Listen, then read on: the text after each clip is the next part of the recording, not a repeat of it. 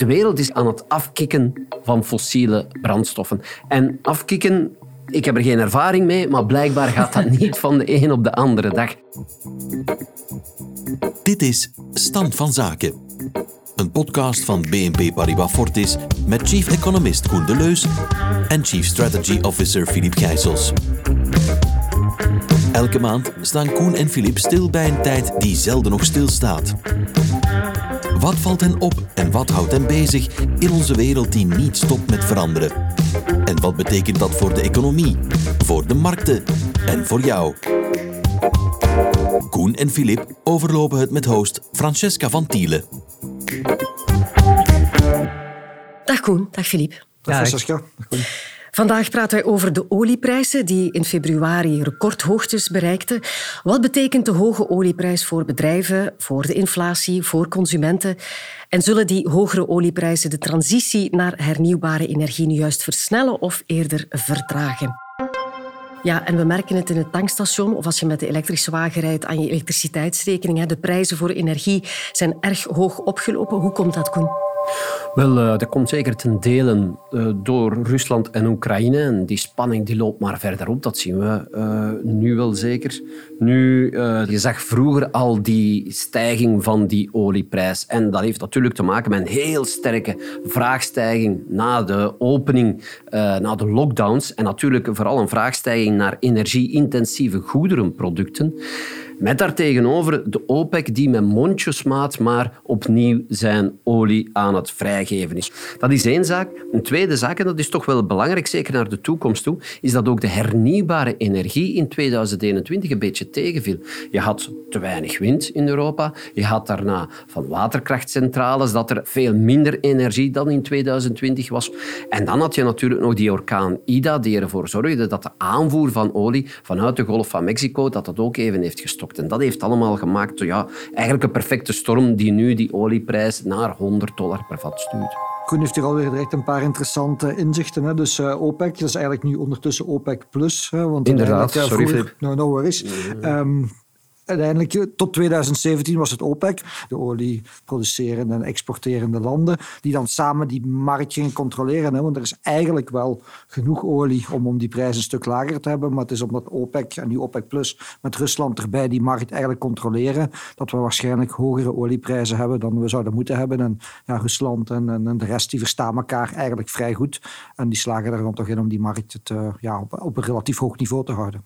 Een tweede punt, wat, wat Koen aanhaalt, is het staat en valt eigenlijk allemaal bij die opslag. Hè? Want je hebt inderdaad die zonne-energie en die windenergie. En dat is allemaal interessant. Maar als het niet waait en de zon schijnt niet, ja, dan heb je een probleem. En als je dan kijkt naar batterijen, dan zie je dat er eigenlijk in de laatste 15 tot 20 jaar relatief weinig vooruitgang is geboekt. En, en dat is heel belangrijk. Als we daar een paar doorbraken zouden kunnen forceren, dat we die energie eigenlijk beter kunnen opslaan, dan waren we al een heel stuk verder, denk ik. Mag je dan concluderen dat uh, zolang de OPEC Plus, de oliekraan niet verder openzet, dat de olieprijs hoog zal blijven, zelfs als die spanningen tussen Rusland en Oekraïne afnemen?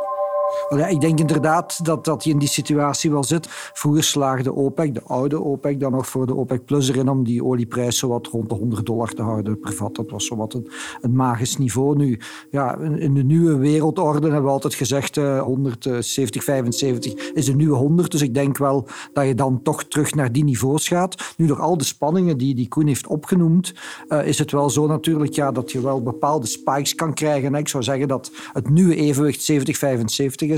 Maar als er dan iets gebeurt, een strengere winter, niet genoeg wind, een spanning, er is, er is problemen, in, uh, geopolitieke problemen, dat je dan inderdaad wel pieken kan krijgen uh, waar we nu eigenlijk aan bezig zijn. Ja, en ik denk dat dat inderdaad heel belangrijk is wat je zegt, dat er, als er iets onverwachts gebeurt, ook in zaken hernieuwbare energie, want dat is een belangrijke speler in de toekomst, ja, dan gaan we wel opnieuw van die pieken krijgen. En dat is zo'n beetje het probleem. Je hebt dus een, dalende aanvoer van olie. Je ziet ook bijvoorbeeld, als we kijken naar de uh, investeringen van olie- en gasproducenten, ja, dan zit je vandaag aan de helft van wat ze in 2014 aan het investeren waren in exploitatie en exploratie. Wat natuurlijk goed is, want we moeten die energietransitie doen. Maar daartegenover moet dan natuurlijk wel staan dat die hernieuwbare energie dat dalende aanbod kan opvangen. En vandaag ja, heb je nog niet genoeg opslagcapaciteit en zit je daar regelmatig met een probleem. En ga je de komende tien jaren waarschijnlijk meer en meer met zo'n probleem zitten de wereld is aan het afkicken van fossiele brandstoffen. En afkicken ik heb er geen ervaring mee, maar blijkbaar gaat dat niet van de een op de andere dag. En dat is toch wel een klein beetje een probleem. langs de andere kant is er dan de OPEC die, die echt wel wil vasthouden aan uh, haar macht. OPEC plus, sorry Filip. En die laatste stuiptrekking, ja, die zouden toch nog wel eens vijf à tien jaar kunnen duren. Ja, dus, dus we zitten echt wel in een, in een tussenperiode. Hè, zolang dat ja, de, de hernieuwbare energie nog niet op volle kracht zit, op zijn volle potentieel. Dus we zitten eigenlijk nog een tijd met een hoge olieprijs. Ik denk het inderdaad wel.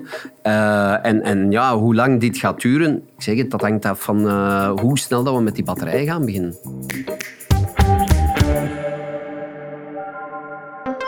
De hoge olieprijs stuurt de inflatie omhoog. Dat zien we overal in Europa, maar die is toch wel hoger nog in België. Hoe komt dat? Ja, in België schuren we tegen de 9%. Als we niet opletten, gaan we naar 10%.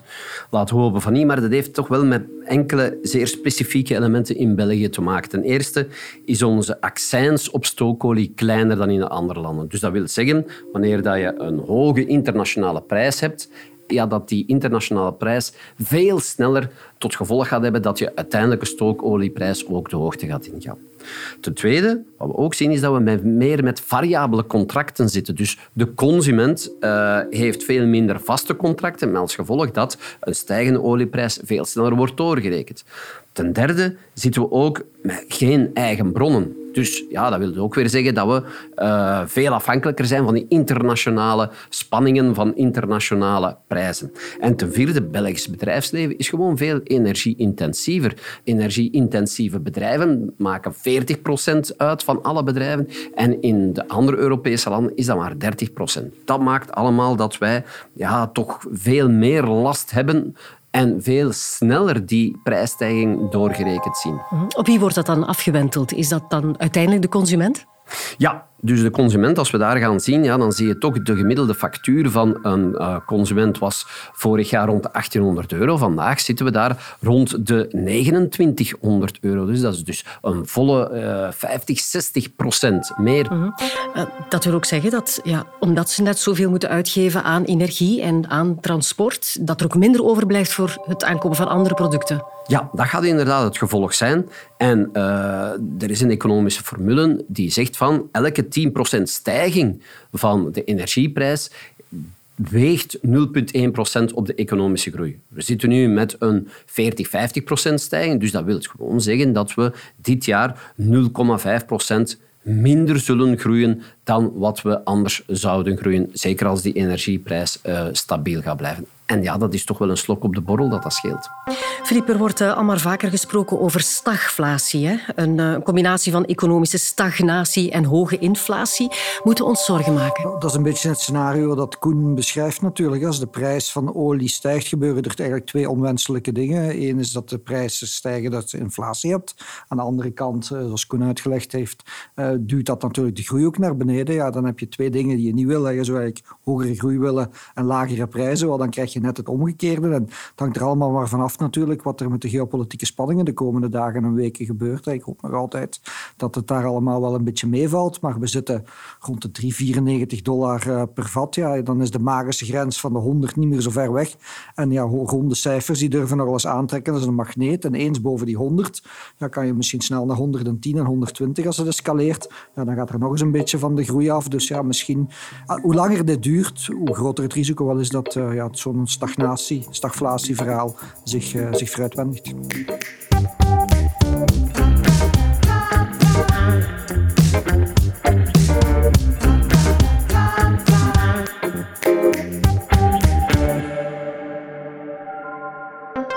Goed, we weten nu hoe het komt dat de olieprijs zo sterk gestegen is en uh, wat de mogelijke gevolgen zijn.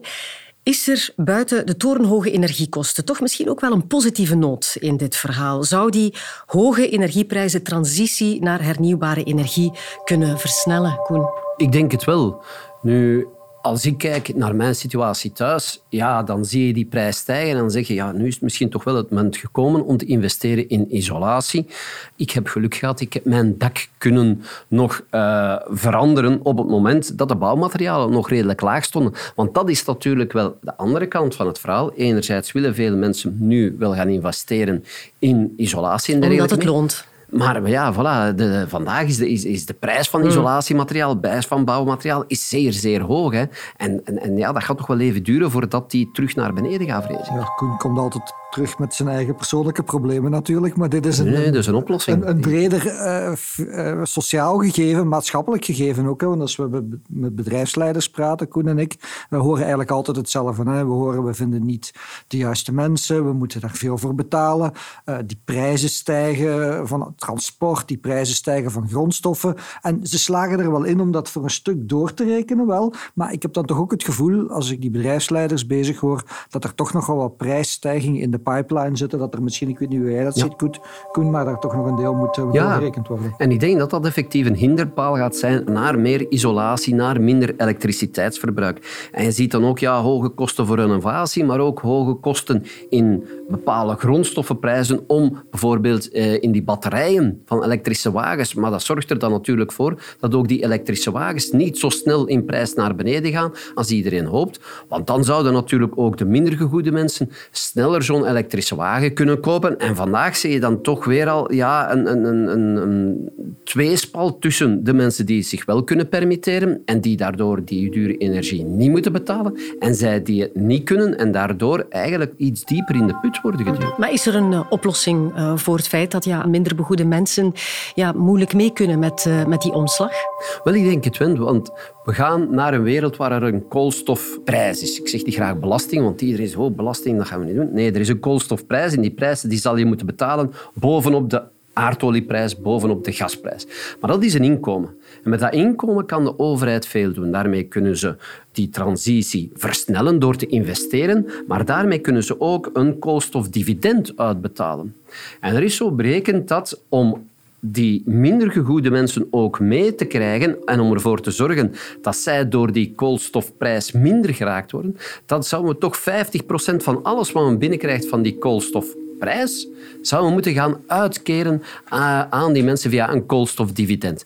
En dat zou natuurlijk ideaal zijn, want op dat moment krijgen die mensen een klein rugzakje waarmee dat ze dan ja, die isolatie kunnen betalen, waarmee dat ze dan ook een kleine elektrische wagen en dan zit je op het juiste spoor, want ik denk dat het belangrijkste in heel die energietransitie is de mensen meekrijgen. Dat gaat het moeilijke zijn. Philippe, beleggers in olieaandelen deden het afgelopen jaar een uh, goede zaak, maar hebben zulke aandelen nog wel een toekomst? Want ik hoor hier vooral het verhaal dat ja, die olieproductie dat is in afbouw. Het is nog een verhaal van ja, tien jaar en misschien wat meer. Op dit moment doen die het eigenlijk zeer goed. Hè? Want ja, met de olieprijs waar die vandaag staat, de gasprijs waar die vandaag staat, ja, op dit moment komt de winst en de cashflow vrij binnen. Zou je denken, je moet je daar geen zorgen over maken. Nu op termijn denk ik dat bedrijven die alleen maar inzetten op die fossiele brandstoffen, zoals Koen gezegd heeft, wel, wel een probleem hebben. En ik denk dat er twee dingen gebeuren. Aan de ene kant zorgt die hogere olieprijs ervoor dat alternatieve energie relatief aantrekkelijker wordt, wat het proces gaat versnellen. Aan de andere kant krijgen die oliebedrijven veel cashflow en veel winst binnen. Ze beseffen ook wel, ja, we moeten uiteindelijk gaan inzetten op die alternatieve energie ook. En die kunnen ze dan investeren. Dus je zou kunnen zeggen dat die hoge olieprijs dat alleen maar negatief is. Maar ik denk dat het proces wel versnelt en dat is eigenlijk wel goed nieuws. Zie jij dan de heropleving van de olieaandelen als een tijdelijk fenomeen? Wel, ik denk het wel. Uh, je zit in een lange termijn trend. Hè. We zijn hier bezig met uh, de transitie van alles wat met carbon te maken heeft, met fossiele brandstoffen, naar iets nieuw. dat is zo groot als de overgang van het stenen tijdperk naar het bronzen tijdperk. Dat gaat gepaard met wat schokken. Maar ik denk dat dat gewoon, wat we nu zien, eigenlijk een pauze is. Hè. Die alternatieve energiebedrijven uh, die hebben het extreem goed gedaan de laatste vijf, zes jaar. Uh, die hebben het nu wat moeilijker, dat is logisch. Dat zijn de golven in de markt. Op een bepaald moment ja, valt dat wat terug. En dan zeggen de mensen, nu is het afgelopen. Uh, nu op dit moment doen die, die klassieke oliebedrijven het weer goed. Maar ik zou zeggen dat dat gewoon een pauze is. En dus misschien een moment om eens te kijken, nu al die alternatieve energiebedrijven wat teruggevallen zijn, of dat niet het moment is om die stilaan toch een beetje beginnen op te pikken terug. Wat denk jij, Koen? Wel, als de vraag is, hebben die olieaandelen een toekomst in hun situatie zoals ze vandaag zitten en echt olie en gas oppompen? Ja, die toekomst is beperkt. We weten dat binnen 10 jaar, binnen 15 jaar is dat een uitdovend verhaal. Maar we moeten wel rekenen dat we dat nog 10, 15 jaar echt uh, hem nodig zullen hebben. We moeten zien dat we die transitie die we gaan doen van fossiele brandstoffen naar hernieuwbare energie, dat we dat heel, heel zachtjes aan doen. Want als we dat niet zachtjes aan doen, we gaan dat met schokken doen, ja, dan kom je aan een geweldige schok die eh, door de ECB dan berekend zou kunnen ervoor zorgen dat we naar een structureel hogere inflatie van 0,5 à 1 procent gaan, maar dan jaarlijks. En dat zou natuurlijk wel zeer pijnlijk zijn. En dan maakt natuurlijk heel die energietransitie voor mensen, voor gewone spaarders, voor gewone zinnen, nog een stuk zwaarder. Dus ja, ze hebben een heel belangrijke rol te spelen in die energietransitie, maar uiteindelijk ja, zijn ze wel een eindig verhaal. Een interessante gedachte misschien nog eens ook het stenen tijdperk is niet gestopt omdat er geen stenen meer waren, maar omdat ze iets beters gevonden hebben. En dat is misschien eigenlijk het verhaal waar we nu, voilà, uh, in zitten. Ja. Thank you.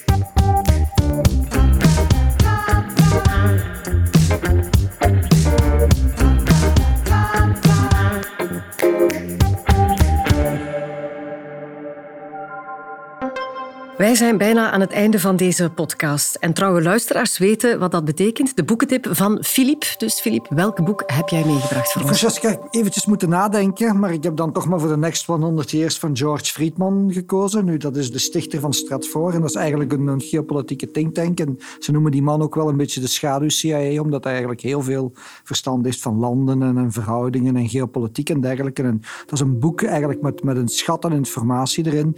Waarom is de Verenigde Staten Waarom is dat het wereldmacht geworden? Want die zegt, kijk, dat is heel simpel. Je hebt een soort, het is niet echt een eiland, maar een land met aan de twee kanten oceanen. Je hebt de sterkste vloot, dus dat betekent je kan rustig iedereen aanvallen eh, en niemand kan bij jou binnenvallen. Dus dat is natuurlijk wel een voordeel. Hij kijkt ook op die manier naar China. China is eigenlijk een soort eiland ook, eh, achter de Himalaya, achter de bergen in het noorden, de muur die ze gebouwd hebben, het oosten, de verhouding met de landen. Maar waarom ik dit boek eigenlijk gekozen heb, is natuurlijk Oekraïne. Hij praat spijtig genoeg ook over over oorlogen in Europa. En we hebben er al nogal wat gehad. En die spelen zich eigenlijk allemaal af op die grote vlakte, of een aantal daarvan toch, op die grote vlakte tussen Berlijn en uh, tussen Moskou. En de geografie is in zijn werk altijd heel belangrijk, want dat is een vlakte. Dus je kan daar makkelijk troepen transporteren. Dat betekent dat je vanuit Berlijn snel in Moskou bent, maar dat je vanuit Moskou ook snel in Berlijn bent. Uh, en daar kan je dan natuurlijk uh, spijtig genoeg heel leuk oorlog voeren, met als gevolg dat er ook veel oorlogen gekomen zijn. Nu in Moskou weten ze dat, in Berlijn weten ze dat ook. Wat doe je dan? Wel, je bouwt de NAVO en je bouwt het Warschau-pact, je bouwt allebei een buffer, uh, dat ja, uiteindelijk je beschermd bent tegen de anderen. Dankjewel, Filip. En wie interesse heeft om dit boek van George Friedman te lezen, kan meer informatie vinden in onze show notes. Deze podcast werd opgenomen op 14 februari. De volgende staat online op 4 april. Koen, Filip, dankjewel. Het was uh, bijzonder boeiend. Uh, hoor en zie jullie heel graag terug volgende keer. volgende keer. Dit was Stand van Zaken. Vond je deze podcast interessant? Abonneer je dan via Apple Podcast, Spotify of een andere podcast-app naar keuze. Of deel deze podcast via sociale media. Zo help je ook anderen om hem te vinden. Heb je intussen vragen, opmerkingen of suggesties? Die kun je mailen naar socialmedia.bnpparibafortis.com. Graag podcast Stand van Zaken in de onderwerpregel vermelden. De opinies in deze podcast zijn die van de presentator en de geïnterviewde en geven niet noodzakelijk het standpunt van BNP Paribas Fortis weer.